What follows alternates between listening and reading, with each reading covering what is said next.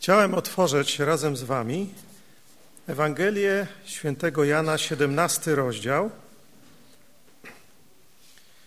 e, i przeczytam werset 11, a następnie od 20 do 23.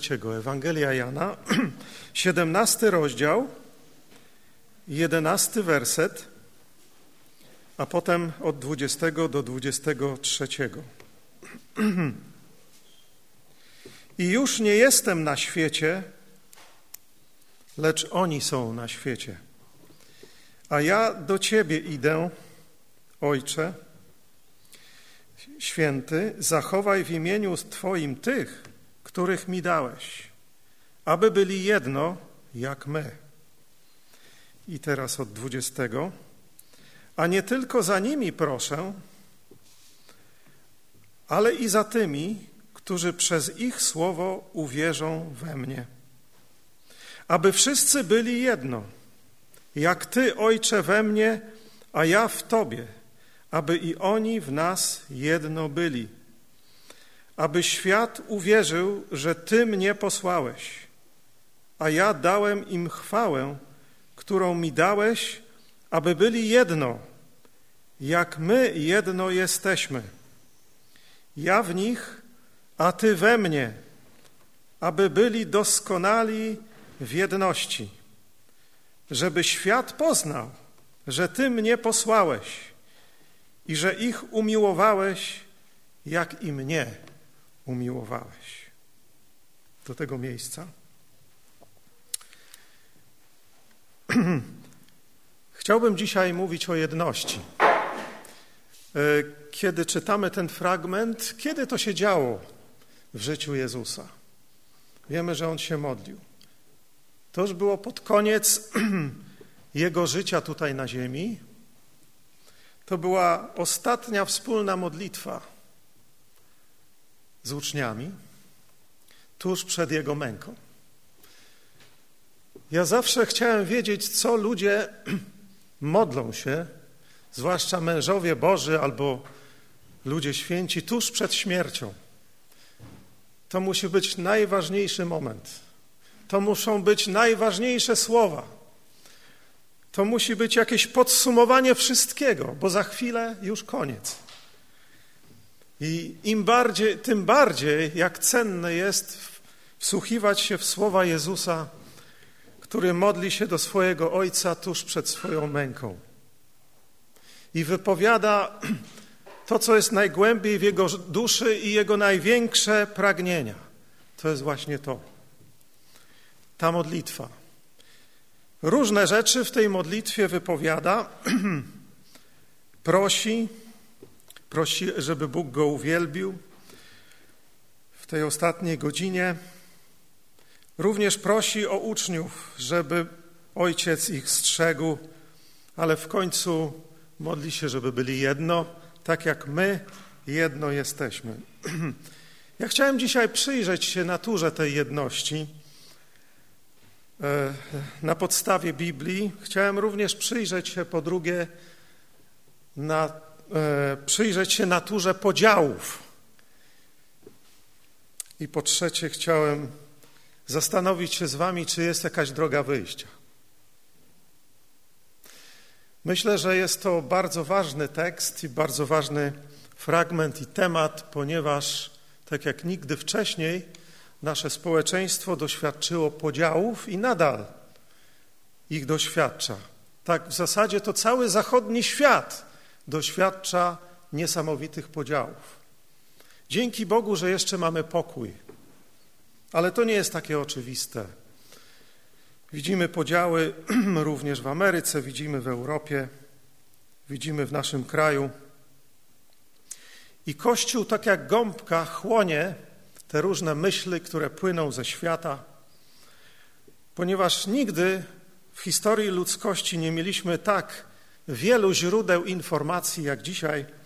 Błyskawicznie wiemy, co się dzieje w ciągu paru sekund, i to wszystko się nam udziela. Dzisiaj społeczeństwo cechuje się tym, że patrzy w ekrany. Uzależniło się od ekranów. chłonie wszystko, co tam jest, poprzez wzrok głównie. I dlatego Kościół cierpi na tym. Chciałbym, abyśmy zastanowili się, jak można tą jedność osiągnąć. Jest to bulwersujące, w jaki sposób Kościół dał się wciągnąć w politykę. Nawet przywódcy kościołów różnych denominacji wciągnęli się w politykę. Chciałbym, żebyśmy nie, nie upodobniali się do tego świata, tak jak mówi apostoł Paweł. I nie uczyli się tych wartości, które są wokół nas. Tak jak Izraelici, którzy mieli, mieszkali w Kanaanie, uczyli się różnych obyczajów i byli pod wpływem tych plemion kananejskich, które potem, potem Bóg zniszczył. Świat jest przeznaczony na zagładę. My, jako Kościół, mamy się od niego oddzielać i być inni, mamy być światłością świata. I z jaką radością patrzymy na przykład na różne zjawiska jedności w naszym świecie. Na przykład na sport. Kilka przykładów. E, zwłaszcza sporty zespołowe. Żeby być skuteczny w sporcie zespołowym, trzeba być naprawdę zjednoczony. Popatrzmy na piłkę nożną. Na czysto naturalne społecznie zjawisko, kiedy tysiące, dziesiątki tysięcy młodych ludzi, zwłaszcza mężczyzn, jednoczy się wokół jednej okrągłej, skórzanej rzeczy. Kiedy jedenastu czy dwudziestu dwóch e, młodych mężczyzn ma jeden cel, żeby wbić piłkę do bramki. I to jest niesamowity przykład jedności. Tak przy okazji posłuchajmy, jak ci ludzie śpiewają. Życzyłbym sobie, żeby Kościół dzisiaj tak śpiewał, jak śpiewają kibice piłki nożnej. Melodie są proste, wpadają do ucha i wszyscy w nie wierzą. I śpiewają je z całego serca, nie powstrzymując nic.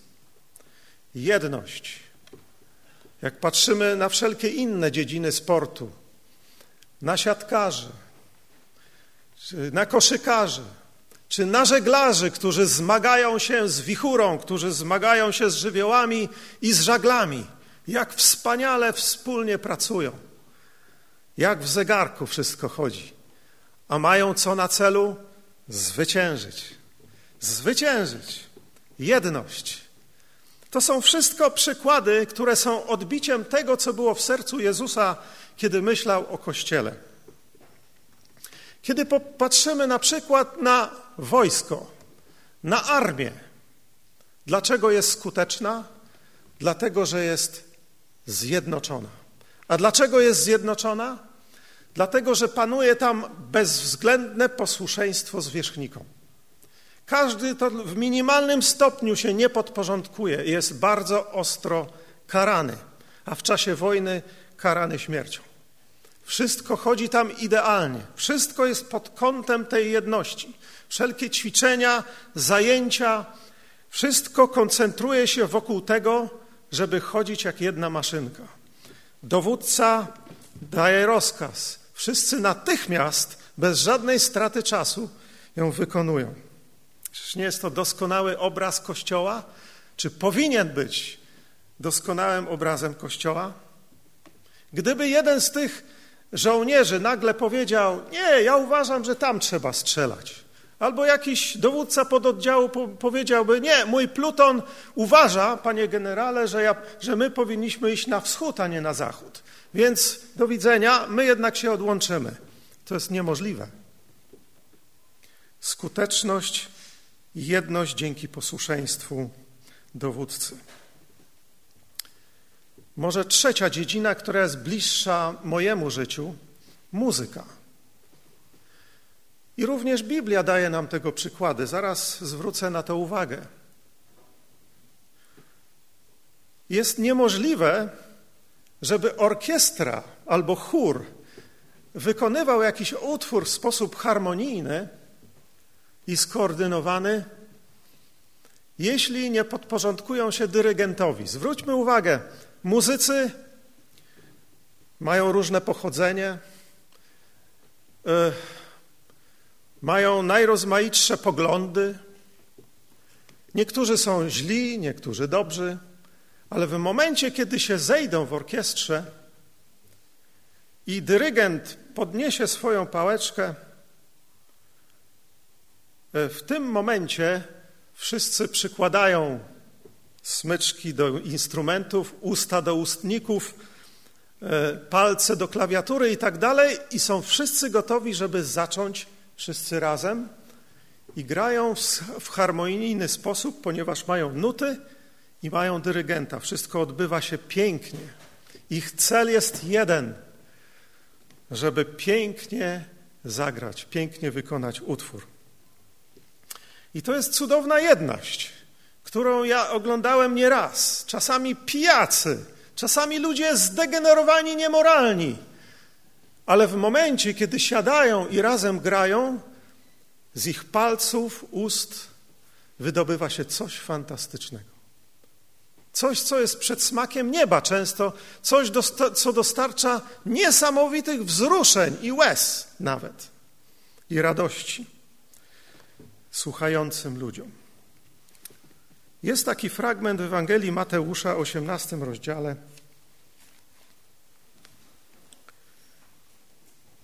18 e, rozdział Mateusza 19, kto chce, niech otworzy. Jezus powiedział swoim uczniom takie słowa. Nadto powiadam wam, że jeśli by dwaj z was na ziemi uzgodnili swe prośby o jakąkolwiek rzecz, otrzymają ją od Ojca mojego, który jest w niebie. Albowiem, gdzie są dwaj lub trzej zgromadzeni w imię moje, tam jestem pośród nich. Wspaniały przykład jedności. E, doświadczali tej jedności uczniowie, kiedy chodzili z Jezusem. Chodzili przez wioski, miasta, chodzili przez pola, pływali jeziorem, schodzili się razem, dyskutowali, zadawali wiele pytań, wsłuchiwali się w słowa Jezusa. To były cudowne chwile z nauczycielem, z Jezusem, kiedy tak razem wędrowali i całe godziny, dni, miesiące i lata spędzali z Jezusem. My tutaj widzimy 5% może, a 95% apostoł, apostołowie mogliby nam powiedzieć, e, co słyszeli, co widzieli, czego doświadczali, będąc z Jezusem. I tutaj jest jakiś, e, jakaś migawka z tego życia wspólnej jedności. Dlaczego mieli jedność? Bo Jezus był z nimi. Bo Jezus jest źródłem jedności. I tutaj jest powiedziane, że gdyby dwaj z was na ziemi uzgodnili swe prośby o jakąkolwiek rzecz, otrzymają ją od Ojca mojego, który jest w niebie. Słowo uzgodnili, kiedy zagłębimy się w to słowo i w oryginalny język, można dokładnie przetłumaczyć harmonizowali, a więc słowo muzyczne znowu. Kiedy to muzycy razem siadają i wspólnie harmonizują. I to jest właśnie ta harmonia wierzących ludzi harmonia Kościoła, jedność. I w wyniku tego, tego wspólnego harmonizowania w modlitwie, tutaj jest obietnica, że Ojciec wysłucha. To jest obietnica. To jest coś cudownego, to jest coś nadnaturalnego. E, dlaczego jest ta jedność? Dalej jest powiedziane, albowiem gdzie są dwaj lub trzej zgromadzeni w imię moje, tam jestem pośród nich. Ta obecność sprawia, że panuje harmonia. Tak jak obecność dyrygenta w orkiestrze, który wszystko koordynuje, tak jak ten Duch Święty, który wchodzi do naszego życia i do życia Kościoła i powoduje cudowną jedność, tak i tutaj. Niech to będzie inspiracją dla nas, te różne przykłady. do jedności. Braterstwo uczniów i Pana Jezusa. Ale kiedy mm, jeszcze przyjrzymy się, przyglądamy się tym wersetom, które przeczytałem na początku, 20, 20, 21 szczególnie, aby wszyscy byli jedno jak Ty, Ojcze, we mnie, a ja w Tobie, aby i oni w nas jedno byli. Czyli my mamy być tak zjednoczeni ze sobą, jako chrześcijanie, jako uczniowie, tak jak Jezus ze swoim Ojcem. To jest duchowa sprawa. To jest tajemnica. Trudno jest odróżnić Ojca od Syna. Syna i Ojca od Ducha i tak dalej, ponieważ oni są absolutnie złączeni razem. To jest tak jak ze światłością. Jest powiedziane, że Bóg jest światłością w pierwszym liście świętego Jana. Światło jest białe, ale kiedy je rozszczepimy przy pomocy pryzmatu, pojawia się widmo i widzimy najrozmaitsze kolory tęczy. W gruncie rzeczy one są tak inne od siebie, ale tak naprawdę one są jedną. I trudno nam je rozróżnić, kiedy patrzymy wokół siebie. To jest cudowne zjawisko, które jest odbiciem jedności Ojca i Syna, i to również ta jedność powinna być odbiciem w Kościele. Tak jak jest Trójca Święta, tak samo również to widmo światła.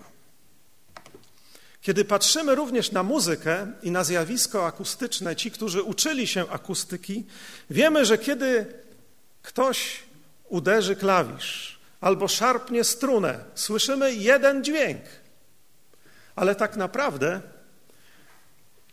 ten dźwięk ma swoje składowe, tak zwane alikwoty.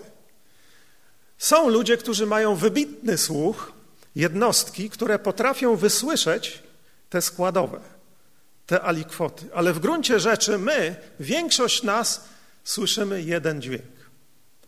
I znowu przyroda jest odbiciem tego, co jest w niebie. Jest odbiciem Boga i Jego jedności. I my również tak samo musimy być tak zjednoczeni. Tak jak te dźwięki, tak jak to światło. Ale ze względu na grzech, który pojawił się w człowieku, dzielimy się. Dzielimy się w najrozmaitszy sposób. Ale ta modlitwa Pana Jezusa ma na celu również coś innego, bo tutaj jest powiedziane w 17 rozdziale, 21 wierszu, aby i oni w nas jedno byli, aby świat uwierzył, że Ty mnie posłałeś. I potem znowu e, w 23 wersetu jest, wersecie jest powiedziane, aby byli doskonali w jedności, żeby świat poznał, że Ty mnie posłałeś i że ich umiłowałeś. A więc, jeśli będzie jedność wśród nas, ludzie będą się nawracać. Świat pozna, świat uwierzy. Jeśli zobaczy jedność Kościoła, jeśli nie widzi, nie przekona się. Będzie mu trudno się przekonać, będzie wiele przeszkód, żeby uwierzyć i poznać. A więc to jest cel jedności. Ale e, modlitwa Pana Jezusa, zwróćmy uwagę, została wysłuchana. Cały czas jestem w tym pierwszym punkcie o naturze jedności. Kiedy sięgamy do dziejów apostolskich, czwartego rozdziału, e, kiedy Duch Święty stąpił na apostołów, działy się dziwne rzeczy. I ten Duch Święty przejawiał się w najrozmaitszy sposób. Czytamy w czwartym rozdziale dziejów apostolskich, 31, 31 wersecie, a gdy skończyli modlitwę, zatrzęsło się miejsce, na którym byli zebrani i napełnieni zostali wszyscy Duchem Świętym i głosili z odwagą Słowo Boże. I co dalej jest powiedziane? A u tych wszystkich wierzących było jedno serce i jedna dusza. I nikt z nich nie nazywał swoim tego, co posiadał, ale wszystko mieli wspólne. A więc kiedy Duch Święty stąpił na apostołów, kiedy się wspólnie modlili, pierwsza rzecz to była odwaga. Świadectwo z odwagą. Potężne świadectwo, bo zresztą jest powiedziane w 33 wersecie tego rozdziału: Apostołowie zaś składali z wielką mocą świadectwo o zmartwychwstaniu Pana Jezusa. To jest efekt potężnego działania Ducha Świętego, za którym my wszyscy tęsknimy. I nie ma odwagi w świadectwie, i nie ma mocy w świadectwie, jeśli nie będzie działania Ducha Świętego. Nie możemy z tego z siebie wykrzesać. To jest po prostu cud. Ale kolejny przejaw działania Ducha Świętego, stępowania na ludzi, jest właśnie to, co tu widzimy. A u tych wszystkich wierzących było jedno serce i jedna dusza. I nikt z nich nie nazywał swoim tego, co posiadał, ale wszystko mieli wspólne. To kolejny przejaw działania Ducha Świętego, szczególnie w tamtych czasach. Duch Święty dotykał się ich materializmu, ich miłości do dóbr i pieniędzy. U wszystkich wierzących było jedno serce i jedna dusza. Kiedy otworzymy list do Galacjan, trzeci rozdział, 28 werset, tam widzimy dalsze przejawy tego działania Ducha Świętego w jedności. Galacjan 3, 28. Tam jest powiedziane tak. Nie masz Żyda ani Greka, nie masz niewolnika ani wolnego, nie masz mężczyzny ani kobiety, albowiem wy wszyscy jedno jesteście w Jezusie Chrystusie. Nie ma żadnych różnic w Kościele. Kościół nie jest klubem ani partią, ani żadną inną organizacją społeczną, ale jest czymś nadprzyrodzonym. Nie ma w nim żadnych różnic etnicznych, nie ma Żydów, nie ma, nieważny jest Grek, czy Rzymianin, czy Scyta, jak w innym miejscu mówi apostoł Paweł. E, nie ma różnic e, klasowych, nie ma robotników, chłopów, nie ma arystokratów, nie ma klasy średniej, nie ma niewolnika, nie ma wolnego. Nie ma również różnic płci, nie są one istotne. Tak jak tu jest powiedziane, nie masz mężczyzny ani kobiety. E, w tym sensie przed Bogiem wszyscy jesteśmy równi. Dlatego, że jest to coś cudownego, nadprzyrodzonego. Z natury jest to rzecz niemożliwa. Dlatego, że ludzie zawsze z natury gromadzą się czy tworzą organizacje w oparciu o podobieństwa, ale o tym za chwilę. To, co tych ludzi łączy, to jest tylko jedna rzecz, że nic ich nie łączy, to po pierwsze. A druga rzecz, która ich łączy, a raczej ktoś, kto ich łączy, to jest Jezus. Albowiem wy wszyscy jedno jesteście w Jezusie Chrystusie.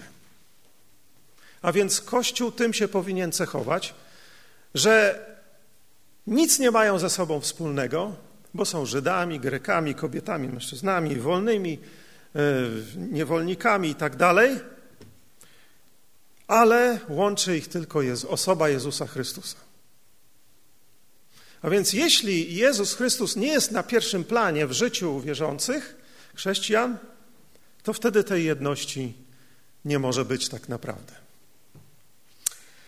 A teraz chciałem troszeczkę przyjrzeć się naturze podziałów, które się pojawiają. Ludzie są podzieleni. Generalnie w społeczeństwie ludzie są podzieleni. Nie muszę wam tego tłumaczyć, to widać, słychać, czuć. Doświadczamy tego na co dzień. Dzieli nas co? Polityka. Nie widziałem jeszcze żadnego kościoła, ani grupy, ani seminarium, którzy zjednoczyliby się wokół spraw politycznych. Jeszcze nigdy tego nie widziałem, a żyję już ponad pół wieku. Pamiętam, jak uczyłem się w seminarium, gdzieś tam za granicą i studenci ciągle kłócili się na tematy polityczne. I nigdy nie widziałem, żeby się zjednoczyli. I to mnie bardzo bulwersowało, ponieważ ja y, nie miałem wspólnego z, z tamtą polityką zbyt wiele. Pochodziłem z komunistycznego kraju. E, I to mi bardzo utkwiło w pamięci, że to jest charakterystyczne, typowe, a więc nie łudźmy się, że chrześcijanie połączą się e, w oparciu o politykę. Dzielą nas opinie, dzielą nas poglądy, dzielą nas gusta, dzieli nas styl muzyczny na przykład, e, rodzaj literatury, którą czytamy, czy filmy, które oglądamy, tradycje nas dzielą, najrozmaitsze zwyczaje i obyczaje, w którym każdy z nas wyrósł. Dzielą nas, dzieli nas wygląd, w jaki sposób się ubieramy, w jaki sposób zdobimy nasze włosy, nasze ciała i tak dalej. Dzieli nas religia oczywiście.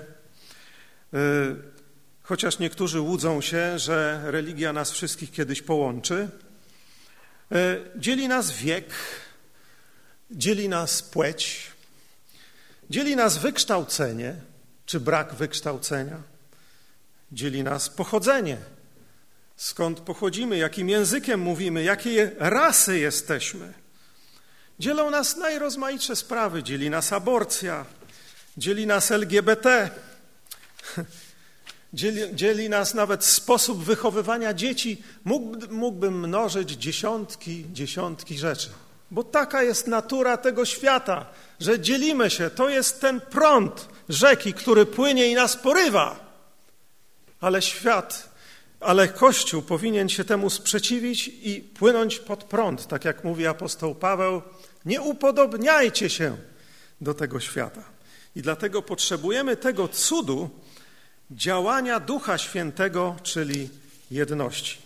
Kiedy w pośród tych wszystkich podziałów jednak doświadczamy jedności. Nie, że te wszystkie różnice i te wszystkie podziały znikną. Nie, bo to jest niemożliwe. Będziemy mieć poglądy do końca życia. Nawet pod wpływem posiłku, który dzisiaj zjedliśmy, możemy już się poróżnić ze swoim bratem. Hormony mają wpływ na nasze poglądy, na nasze emocje. Dlatego wszystko, co jest w nas, dzieli. Służy czy zdąża ku podziałom. Za tym się kryje wróg naszych dusz, który chce nas dzielić i cieszy się. Ha, ha, znowu ich podzieliłem. Hurra! Dziel i rządź. Im więcej wyznań, tym lepiej. Im więcej grup i grupek, zborów, zborków, kościołków, tym lepiej. Niech się rozmnaża ten religijny rynek. Charles Spurgeon, znany kaznodzieja brytyjski z XIX wieku, który doświadczył jedności, doświadczył również przebudzenia. E, wielu z nas zna e, z literatury, powiedział tak – Szatan nienawidzi chrześcijańskiej wspólnoty. Jego polityką jest trzymać chrześcijan od siebie z daleka. Cieszy się wszystkim, co może świętych od siebie oddzielić. Przywiązuje znacznie większą wagę do pobożnego obcowania niż my. Ponieważ jedność jest siłą, robi wszystko, co w jego mocy, by promować oddzielenie, mówi Charles Spurgeon. Co dzieli nas w Kościele? No znowu bym mógł wymieniać mnóstwo rzeczy. Historycznie mówiąc, naprawdę czasami nawet śmieszne rzeczy dzieliły chrześcijan. Noszenie krawata bądź nienoszenie go. Umywanie nóg bądź ich nieumywanie w jaki, czy klęczymy, czy stoimy w czasie modlitwy?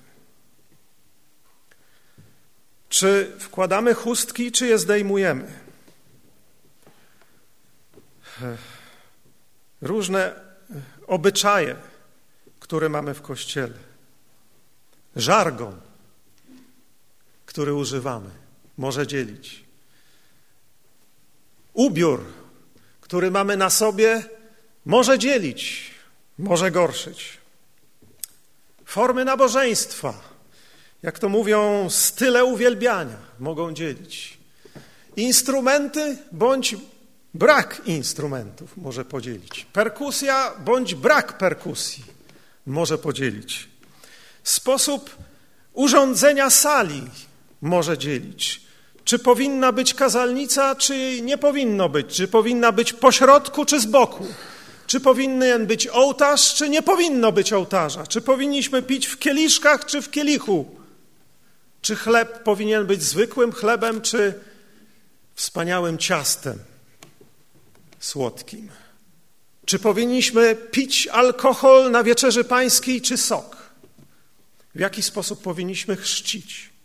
Czy przez pokropienie, czy przez zanurzenie? Ja miałem kolegę w seminarium, który wpadł na wspaniały pomysł, ponieważ w moim seminarium byli ci, którzy byli zwolennikami chrztu przez pokropienie i ci chrztu przez zanurzenie. Pewnego razu on wstał na wykładzie, mówię, chłopaki, mam wspaniały pomysł. Jak nas wszystkich zjednoczyć? Jak, jak? On mówi, będę kropił tych, co się chrzczą tak długo, aż będą zanurzeni. Ale przynajmniej on chciał tej jedności, bo niektórzy jej nie chcą albo wykluczają. Formy nabożeństwa. Co powinno być na początku, co powinno być w środku, co na, na końcu, czy ogłoszenia na początku, czy w środku, czy na końcu. Czy trzeba śpiewać e, stare pieśni, czy nowe pieśni? Czy śpiewać szybko, czy wolno? Czy rytmicznie, czy bez rytmu? E, możemy znajdować setki e, sposobów. Dary Ducha Świętego. Czy istnieją w dzisiejszych czasach, czy nie? Czy powinniśmy je używać e, na nabożeństwie niedzielnym, czy w tygodniu? Czy możemy mówić językami, czy nie możemy? Czy w ogóle istnieją jeszcze języki, czy nie istnieją? I tak dalej, i tak dalej. Dzisiaj to jest bardzo silny podział. Ja tutaj oczywiście mówię o ewangelikalnych środowiskach protestanckich. E, chociaż wiem, że fale rozchodzą się jeszcze częściej i mówi się bardzo, coraz więcej wśród teologów katolickich i, wśród, i w mediach, że następuje protestantyzacja Kościoła katolickiego, która jest nieodwołalna, albo jeszcze mocniej pentekostalizacja Kościoła katolickiego, czyli coraz bardziej Kościół rzymskokatolicki będzie się stawał zielonoświątkowy. Ale to jest inny temat. W każdym bądź razie jest to bardzo mocna e, e, linia podziału wśród nas, ewangelikalnych chrześcijan, kwestia darów Ducha Świętego i w ogóle spojrzenia na Ducha Świętego, ale zwłaszcza na dary. Czy też służba kobiet, czy kobieta może przemawiać, czy nie? Czy może być pastorem, czy może być starszym zboru, czy nie? E, co może, co nie może? Czy, powin, czy może w ogóle zabierać głos na nabożeństwie, czy powinna milczeć, tak jak mówił apostoł Paweł na nabożeństwie?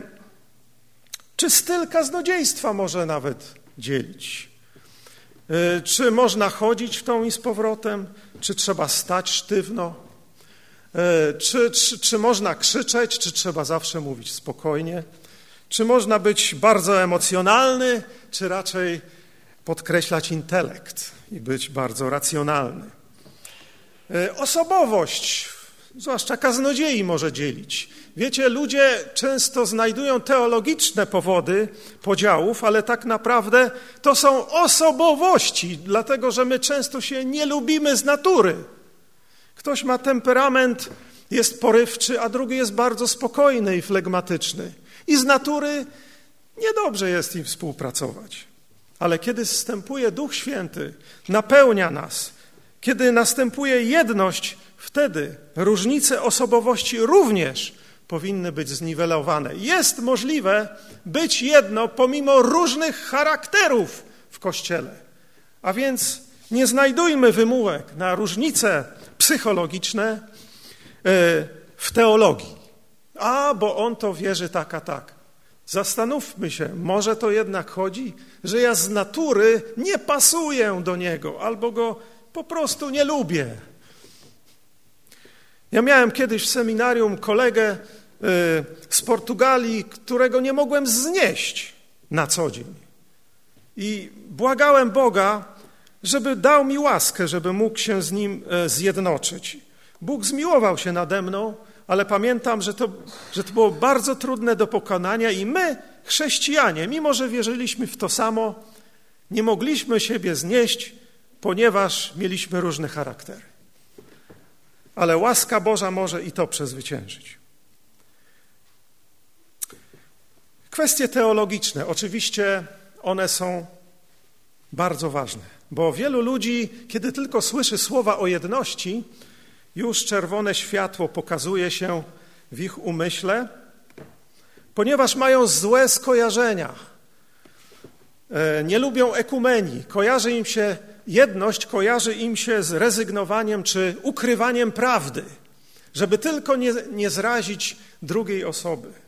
I tak spotykają się, poklepują się i obłudnie mówią, że się kochają, ale w gruncie rzeczy są zupełnie e, niezgodni w swojej wierze. Nie, to nie musi być tak, że jedność wyklucza prawdę. Jest możliwość w prawdzie, jedności w prawdzie. Ale czy to jest w ogóle możliwe rzeczywiście? Kiedy patrzymy na historię, na te wszystkie wyznania, które powstały, denominacje, to jest wszystko historia tarć, sporów, niezgodności, rozłamów. Nie będę tutaj przytaczał historii. Przytoczę może jedną, bardzo krótko. Protestanci w czasie reformacji podzielili się na punkcie wieczerzy pańskiej. To była wielka E, szkoda, że oni się nie zjednoczyli. Bylibyśmy dzisiaj o wiele silniejsi.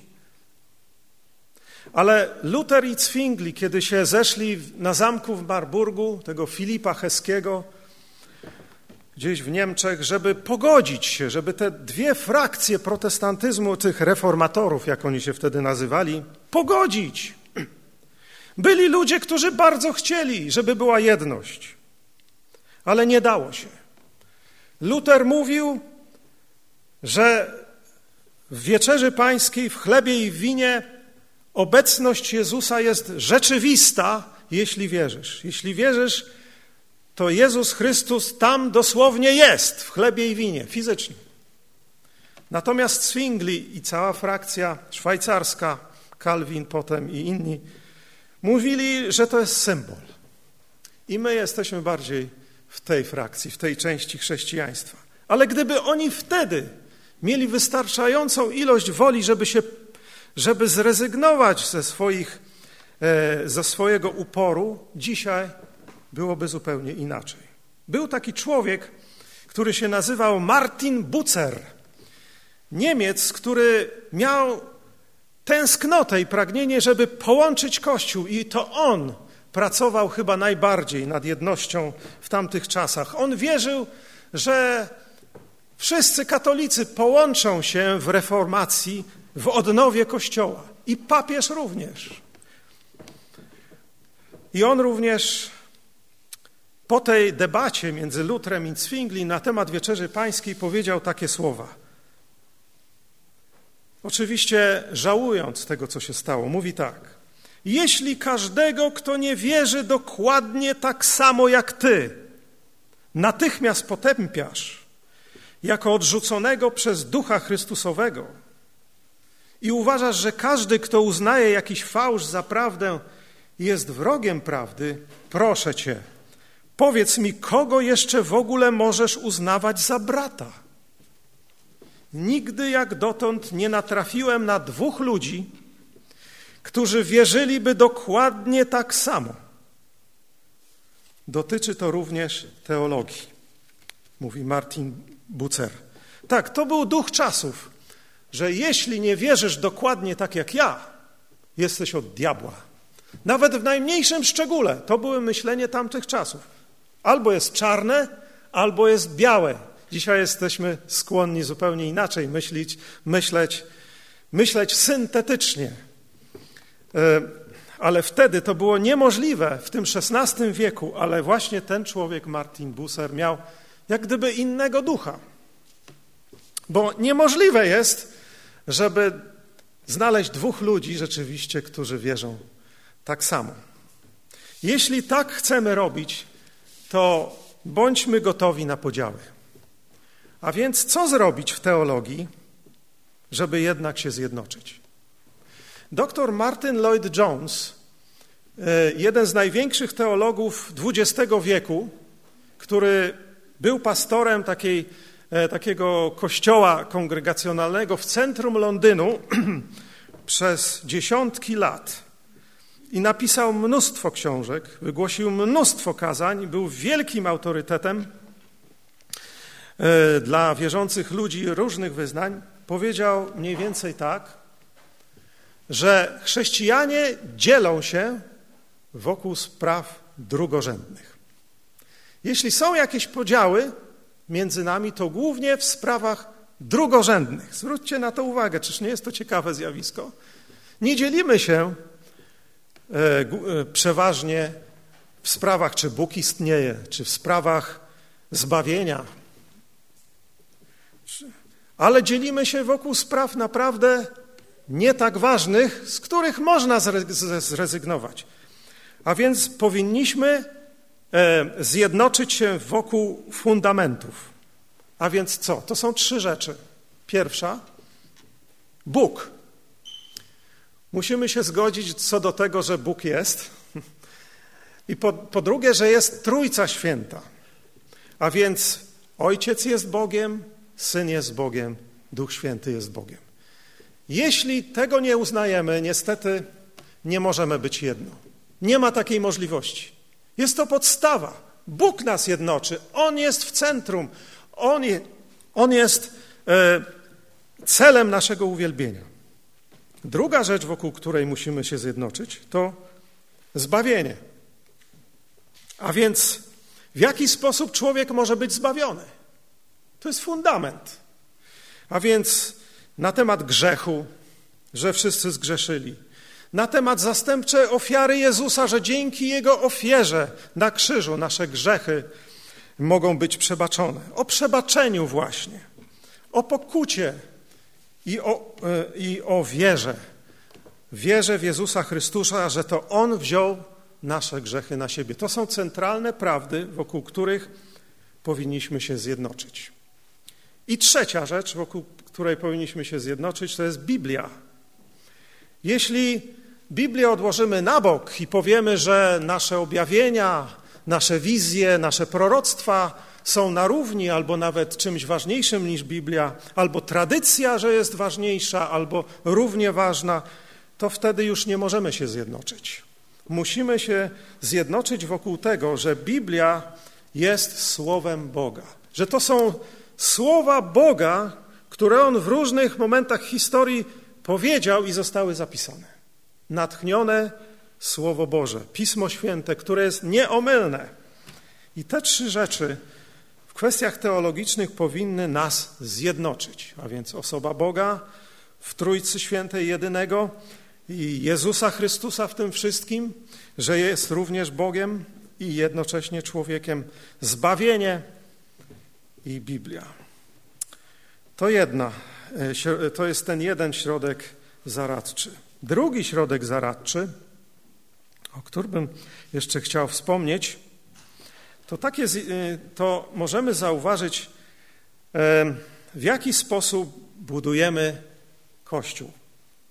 E, bardzo dużo kościołów, zborów jest budowanych w oparciu o podobieństwa. Natomiast to, co przeczytaliśmy, według Biblii Kościół nie jest naturalną organizacją, której budujemy w oparciu o podobieństwa, ale w oparciu o Ewangelię, czyli w oparciu o Jezusa, który nas łączy. O co mi chodzi? E, przy okazji chciałem polecić pewną książkę, która zostanie wydana i miałem okazję też ją i przywilej przetłumaczyć pod tytułem Nadprzyrodzona wspólnota Marka Devera, który, którego książki pojawiły się już w języku polskim na temat Kościoła. I otóż tam jest szerzej o tym wszystkim powiedziane. O co mi chodzi? To znaczy, ludzie myślą, że jeśli się zejdą w oparciu, jako chrześcijanie, w oparciu o jakieś cechy wspólne, podobne poza Jezusem, to będzie super kościół. Na przykład sama młodzież. E, od powiedzmy 18 do 25 lat to będzie super kościół, bo wtedy nie będzie tam tych staruszków różnych, tych różnych tam matek z dziećmi, które popiskują. E, będziemy naprawdę zjednoczeni, silni. Ale to nie jest zgodne z Ewangelią, dlatego że e, Kościół opiera się według Ewangelii na Jezusie, a nie na podobieństwach. A więc ktoś może się zejść w oparciu na przykład o wyższe wykształcenie, sami profesorowie, naukowcy, prawda, albo w oparciu o klasę społeczną, na przykład e, sami robotnicy, chłopi, wiecie, takie środowisko proste, e, które e, nie męczy się za bardzo czytaniem książek, tylko bardziej, wiecie, opiera się na sprawach najważniejszych, czyli żeby czuć, żeby mówić sobie prosto w oczy i tak dalej. Albo można się zejść w oparciu o styl muzyczny, że na przykład będzie tylko rockowe uwielbianie, perkusja e, i będzie super, nie? Albo w oparciu o muzykę, nie wiem, chorał gregoriański albo muzykę klasyczną. I wtedy będzie super, bo to będzie naprawdę kościół zjednoczony. Albo w oparciu o, nie wiem, jakąś kontrkulturę, tatuaże, brody, czy jakieś e, czapki na głowach z daszkiem do tyłu i tak dalej, i tak dalej. Jest mnóstwo e, takich e, kontrkultur czy e, cech, które ludzi łączą z natury. Można się również e, zjednoczyć pod kątem e, uwielbiania. Na przykład, że jest bardziej taki styl, wiecie, wszyscy naraz się modlą, albo wszyscy mówią językami, albo pieśni są śpiewane przez dwie godziny, a na końcu jest kazanie przez 15 minut, na przykład. Albo można się gromadzić w oparciu o grupy etniczne, tylko czarni, tylko Indianie, tylko e, rasa żółta na przykład, albo tylko biali. I tak dalej, i tak dalej. Są różne E, fascynację można mieć zbór sportowy oczywiście, który składa się z jednej grupy zawodowej na przykład, muzyków. E, tak jak w Armii Zbawienia na przykład każdy musi grać na jakimś instrumencie dętym, prawda? Oczywiście w pewnych warunkach, zwłaszcza jeśli chodzi o ewangelizację, to jest potrzebne, ale e, nie jest to do końca zgodne z Ewangelią. A więc co nas łączy? Jezus. A więc Kościół to jest taka grupa ludzi, gdzie, powtarzam, nic nie łączy za wyjątkiem Jezusa. Nie może tak być, że łączy nas Jezus plus jeszcze wiele innych rzeczy. Oczywiście może tak być i to jest dobre, ale nie może to być głównym fundamentem tworzenia naszej społeczności. Może to być krótko, doraźnie, w celach ewangelizacyjnych czy w celach zbudowania jakiejś grupy, e, na przykład matki z dziećmi, które naprawdę samotne matki z dziećmi albo bezrobotni, którzy naprawdę potrzebują pomocy, ale zazwyczaj dobrze, jeśli to się dzieje przez jakiś krótki czas. Ale tak naprawdę kościołem są wszyscy. Są dzieci, są staruszkowie, są rodzice z dziećmi, są nastolatkowie, wszystkie grupy wiekowe, wszystkie grupy społeczne, e, różne rodzaje wykształcenia, a mimo wszystko mamy Jezusa. Żeby tak się stało, po trzecie, Jezus musi być Panem. I na tym zakończę. Tak jak zresztą jest powiedziane e, w liście do Rzymian, dziesiątym rozdziale, bardzo znanym fragmencie, nie masz bowiem różnicy między Żydem a Grekiem, gdyż jeden jest Pan wszystkich. Jeden jest Pan wszystkich, bogaty dla wszystkich, którzy go wzywają. A więc moje pytanie jest, czy Jezus jest naszym Panem? Bo jeśli On będzie Panem, to znaczy On będzie siedział na tronie. A jeśli On będzie siedział na tronie, będziemy bardzo zjednoczeni. Im bliżej do Niego się będziemy e, przybliżać, tym bardziej będziemy zbliżać się do siebie nawzajem.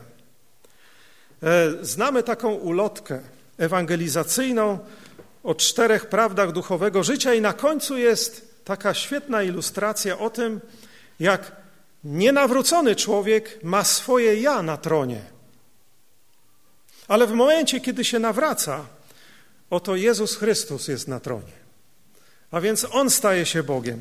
On staje się Panem wszystkiego. Panem mojego czasu, Panem mojej energii, Panem mojej pracy, Panem moich pieniędzy, Panem moich relacji, Panem mojej rodziny, Panem moich dzieci, Panem całego mojego życia, moich uczuć, mojego umysłu i mojej woli. On staje się pierwszy, On jest Bogiem. Z Nim budzę się rano i do Niego biegnie moja pierwsza myśl po ocknięciu się w łóżku. A jeśli nie jest On Panem, wtedy moja energia, mój czas, moje myśli, moje marzenia, moje cele i pragnienia dążą gdzieś indziej. I w gruncie rzeczy chrześcijanie mogą się spotykać i nazywać się chrześcijanami, ale kiedy przysłuchamy się im rozmowom, ich rozmowom, to słyszymy, że ich rozmowy rzadko kiedy są o Jezusie. Tak bywa. Jak tacy ludzie mogą być zjednoczeni? Jezus nie jest ich Panem. Mogą coś przeżyć, być może się nawrócili, ale jeszcze wiele rzeczy nie jest poddanych Bogu i są rzeczy ważniejsze niż sam Jezus Chrystus. Prawdziwym nawróceniem jest uznanie Jezusa Chrystusa za Pana. Może jest ktoś tutaj na tej sali, który, który myśli, że jest wierzący, e, wychował się w chrześcijańskiej rodzinie, przychodzi na nabożeństwa, ale jednak Jezus nie jest jego Panem. Musimy się zastanowić nad tym, dlatego że zanim, zanim się urodziliśmy, tutaj już był Bóg, tutaj już był Jezus. Wszystko do Niego należy. Wszystko jest Jego, więc ja nie mogę sobie rościć praw, że to jest moje, czas jest mój, energia to jest mój dom, to są moje pieniądze. Nie. Musimy wszystko, absolutnie wszystko oddać Jezusowi, jeśli chcemy być wolni, jeśli chcemy być zbawieni, jeśli nie chcemy być potępieni, nie pójść do piekła, ale znaleźć się z Bogiem po śmierci. Musimy wszystko oddać, całkowicie naszą pracę, nasze wakacje, nasz, nasze zakochiwanie się nawet, nasze relacje pod każdym względem. Wszystko to, co człowiek sobie ceni jako super ważne w świecie. My wybraliśmy Jezusa. Jeśli On będzie naszym Panem, to Kościół się zjednoczy. To będziemy jedno. Do tego powinniśmy dążyć. Chciałem zapytać, czy mamy przyjaciół w innych denominacjach? Czy podkreślamy tylko naszą? Czy często z lubością wymieniamy nazwę naszej denominacji? Czy może jednak czasami dzwonimy do przyjaciela, który należy do innej, który jest chrześcijaninem, którego Jezus jest Panem? Czy masz takie chwile, kiedy cenisz sobie ludzi spoza własnego kręgu? Czy masz kogoś, kto różni się wiekiem, a jednak czujesz się z nim jedno. Może jesteś nastolatkiem, ale lubisz spotykać się z pewnym dziadkiem. Albo kiedy wchodzisz na nabożeństwo przez drzwi, albo kończy się nabożeństwo, przywitasz się, mimo że jesteś staruszkiem, ale przywitasz się również z mamą, która ma dzieci. A może jesteś małym dzieckiem, nawróciłeś się, oddałeś serce Jezusowi, ale z radością porozmawiasz z wujkiem, który ma 50 lat i może się nawet pomodlisz z nim.